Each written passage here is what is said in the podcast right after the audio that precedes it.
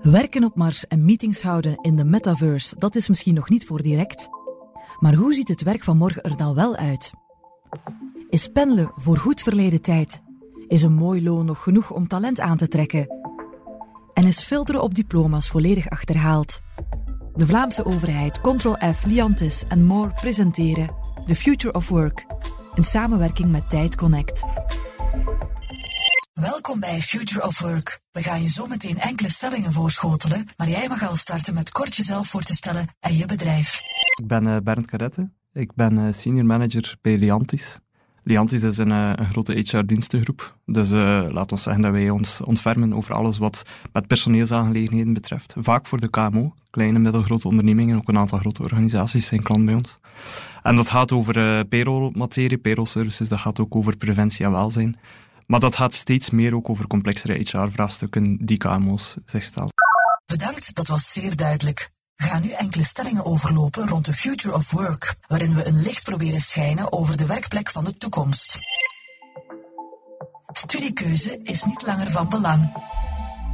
Daar ben ik niet mee akkoord. Het is natuurlijk wel zo dat ja, in, eh, in, een tijd waarin dat, uh, ja, dat digitalisering razendsnel evolueert, dat er heel wat evoluties zijn in onze maatschappij en ook in, onze bedrijven, dat, uh, ja, dat vaardigheden sneller verouderd raken. men spreekt soms in de kernfysica over de halveringstijd van de radioactiviteit en ze, noemen, ze maken soms de parallel in de, in de managementwereld, ze noemen dat de half-life of skills. En ze zeggen eigenlijk de de tijd dat vaardigheden relevant blijven, dat dat, die worden steeds korter. Dus de halveringstijd van een vaardigheid die wordt steeds korter. Uh, in 2017 werd dat geraamd op uh, vijf jaar. Nu in 2021 wordt dat geraamd op vier jaar. En afhankelijk van sector tot sector gaat dat nog sneller natuurlijk. Dus in die optiek is het zeker wel zo dat uh, opleidingen die je opdoet op de schoolbanken en, en uh, laten we zeggen tussen uw, uw, uw 6 en uw 21 of uw 23, ja, dat volstaat zeker niet voor Hans uw loopbaan. Um, en daarom is het inderdaad belangrijk om, uh, om zeker te blijven bijscholen, blijven ontwikkelen. Ik heb er ook nog cijfers bijgenomen van, van de OESO, waarin dat er wordt aangegeven dat, dat we daar eigenlijk ook wel nog echt werk aan de winkel hebben. Zeker in Vlaanderen werd in 2019 aangegeven dat 51% van de Vlamingen in de voorbije 12 maanden geen enkele opleiding heeft gevolgd. Dus het is effectief wel zo dat er nog heel wat werk aan de winkel is om die levenslang leren, levenslange opleidingen, om dat uh, binnen te brengen in uh, organisaties. Dat is ook een, een, onderdeel van de arbeidsdienst die daarop inzet. Dus in, dat, in, die optiek zou je wel kunnen zeggen van goed, ja, studiekeuze is niet langer van belang. Jawel, zeker wel van belang, daar kom ik straks nog op terug. Maar het is wel zo, het volstaat niet alleen wat je kiest als, als opleiding om dan te zeggen van goed, nu ben ik goed voor de, voor de rest van mijn carrière. Dus het, het levenslang bijscholen en zelfs herscholen, waarbij je een volledig andere beroepskeuze gaat maken uh, doorheen je loopbaan, kan zeker van belang zijn en kan aangewezen zijn in bepaalde situaties. Maar dat betekent daarom niet dat uw initiële studiekeuze niet van belang is. Integendeel, er is recent onderzoek vanuit een onderzoeksgroep uit de Universiteit Gent, die heel duidelijk aantoont dat ja, de juiste studieoriëntering, de juiste keuze maken op dat moment, zorgt voor een vlot parcours en zorgt ook voor een vlotte aansluiting op de arbeidsmarkt, waar dat je dan de rest van je loopbaan kunt gaan uh, ontplooien. Dus de initiële studiekeuze is, is, van belang en alle andere opleidingskeuzes die je in de rest van je loopbaan gaat maken, zijn ook van belang. Ook werknemers moeten initiatief tonen als het om opleidingen gaat. Daar ben ik het helemaal mee eens, daar kan ik me helemaal in vinden. Ik ben uh, grote voorstander van het uh, adagium uh, iedereen zit achter het stuur van zijn eigen carrière. En dat is, ik ben er zeker van overtuigd dat medewerkers die daarvan doordrongen zijn van dat idee, dat dat ook de medewerkers zijn die eigenlijk hun waarde op de arbeidsmarkt voor zichzelf maximaliseren. En dat wordt soms employability genoemd. Employability, uw waarde die je hebt zowel op de interne arbeidsmarkt binnen je huidige organisatie, maar ook op de externe arbeidsmarkt.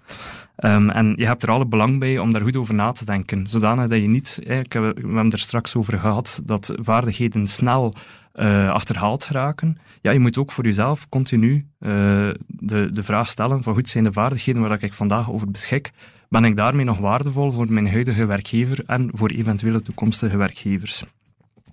Dus ja, het is belang, van belang dat je daar uh, blijft in investeren, zowel door opleidingen te volgen, door daar uh, initiatief toe te nemen, maar ook door uh, bijvoorbeeld interne mutatie of interne rotatie, door op, op zoek te gaan naar nieuwe on-the-job werkervaringen, waar dat je dan eigenlijk van daaruit ook kunt, kunt gaan groeien.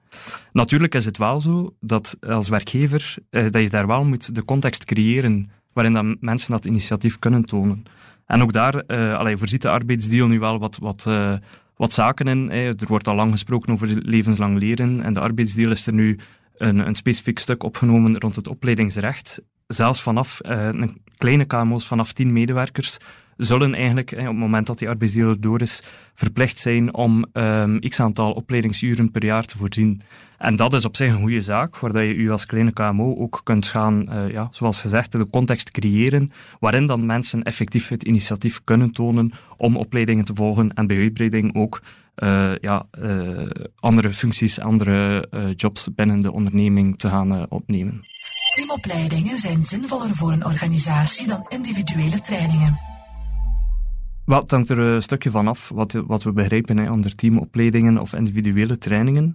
Uh, als we zeggen teamopleidingen zijn eigenlijk opleidingen die mensen uh, binnen een organisatie, binnen een onderneming volgen in groep. En individuele trainingen zijn dan eigenlijk meer opleidingen, het zij online, het zij in, in real life. Uh, dat zijn dan opleidingen die meer als uh, één op één volgt hè, als, mede, uh, als medewerker. dan zou ik persoonlijk niet zeggen dat het ene nu per se zinvoller is dan het andere. Uh, wat dat je vooral altijd voor, voor ogen moet houden als organisatie, is wat dat precies het doel is dat je wil bereiken met die opleiding. Um, en dus ja, daar wordt soms gesproken over de leerbehoefteanalyse. Wat is de behoefte die we hier precies hebben? Als je nu, uh, ik ga een heel eenvoudig voorbeeld nemen, een IT-ontwikkelaar hebt die ganse dagen code schrijft, en die moet een bepaalde, uh, de, die code evolueert en die moet een bepaalde opleiding volgen om, om mee te zijn met die evolutie. Is er daar geen enkel voordeel bij om dat uh, intiem te doen als dat de enige persoon is die die code kent en die daarmee aan de slag is met, ja, ik ben nu zelf geen programmeur, maar goed, die zelf aan de slag is met die technologie. Um, en dan heb je, kan het perfect je zegt, kijk, dat specialistische kennis die bij één individu zit, uh, de doelstelling is dat die persoon mee is met de laatste evoluties in zijn domein, ja, dan kan die perfect die opleiding op zichzelf volgen. En dan kan je nog bekijken, is dat een online opleiding, is dat een fysieke opleiding waar dat die persoon deelneemt met mensen van andere organisaties. Maar goed, hij neemt als enige deel vanuit een bepaalde onderneming. Als uw doelstelling eh, niet, eh, dus laat ons een ander voorbeeld nemen, een andere doelstelling. Stel dat je zegt van we willen werk maken van leiderschapsvaardigheden en eigenlijk een, in onze organisatie zorgen dat iedereen dezelfde visie heeft, of dezelfde visie, dat iedereen goed weet wat de visie is van de organisatie op leiderschap. Dan is dat perfect wel iets, uh, en zou ik het zelfs aanraden, om dat wel in team te doen. Daar heb je twee voordelen. Eén, er gaat discussie ontstaan onder mensen. Dat is typisch ook materie die vatbaar is voor discussie. Uh, verschillende interpretaties, verschillende ervaringen die kunnen worden uh, uitgewisseld. En twee, um, sluit er stukje bij aan natuurlijk, is dat dat zijn meer soft skills. En die soft skills leer je ook door met mensen in dialoog te gaan en uh, de ervaringen van anderen te horen. Dus dan kun je perfect zeggen van goed, die, die zaken uh, gaan we in een teamopleiding doen. En in dat, op, in dat opzicht zou je kunnen zeggen, valt er wel iets voor die stelling, teamopleidingen zijn zinvoller dan individuele opleiding, valt er wel iets voor te zeggen. Omdat we natuurlijk zien dat soft skills, leiderschap, dat soort zaken worden steeds belangrijker. En de organisaties van vandaag, ze waren vroeger ook belangrijk, maar we zien dat dat gewoon veel meer, meer en meer aandacht krijgt uh, vandaag de dag. En ik denk in die optiek dat je wel gaat zien dat er een evolutie is naar meer opleidingen in team dan opleidingen individueel. Dit was Future of Work, een podcast van Tijd Connect. Voor nog meer diepgang, achtergrond en nieuws rond de toekomst van ons werk, surf naar tijd.be slash of work.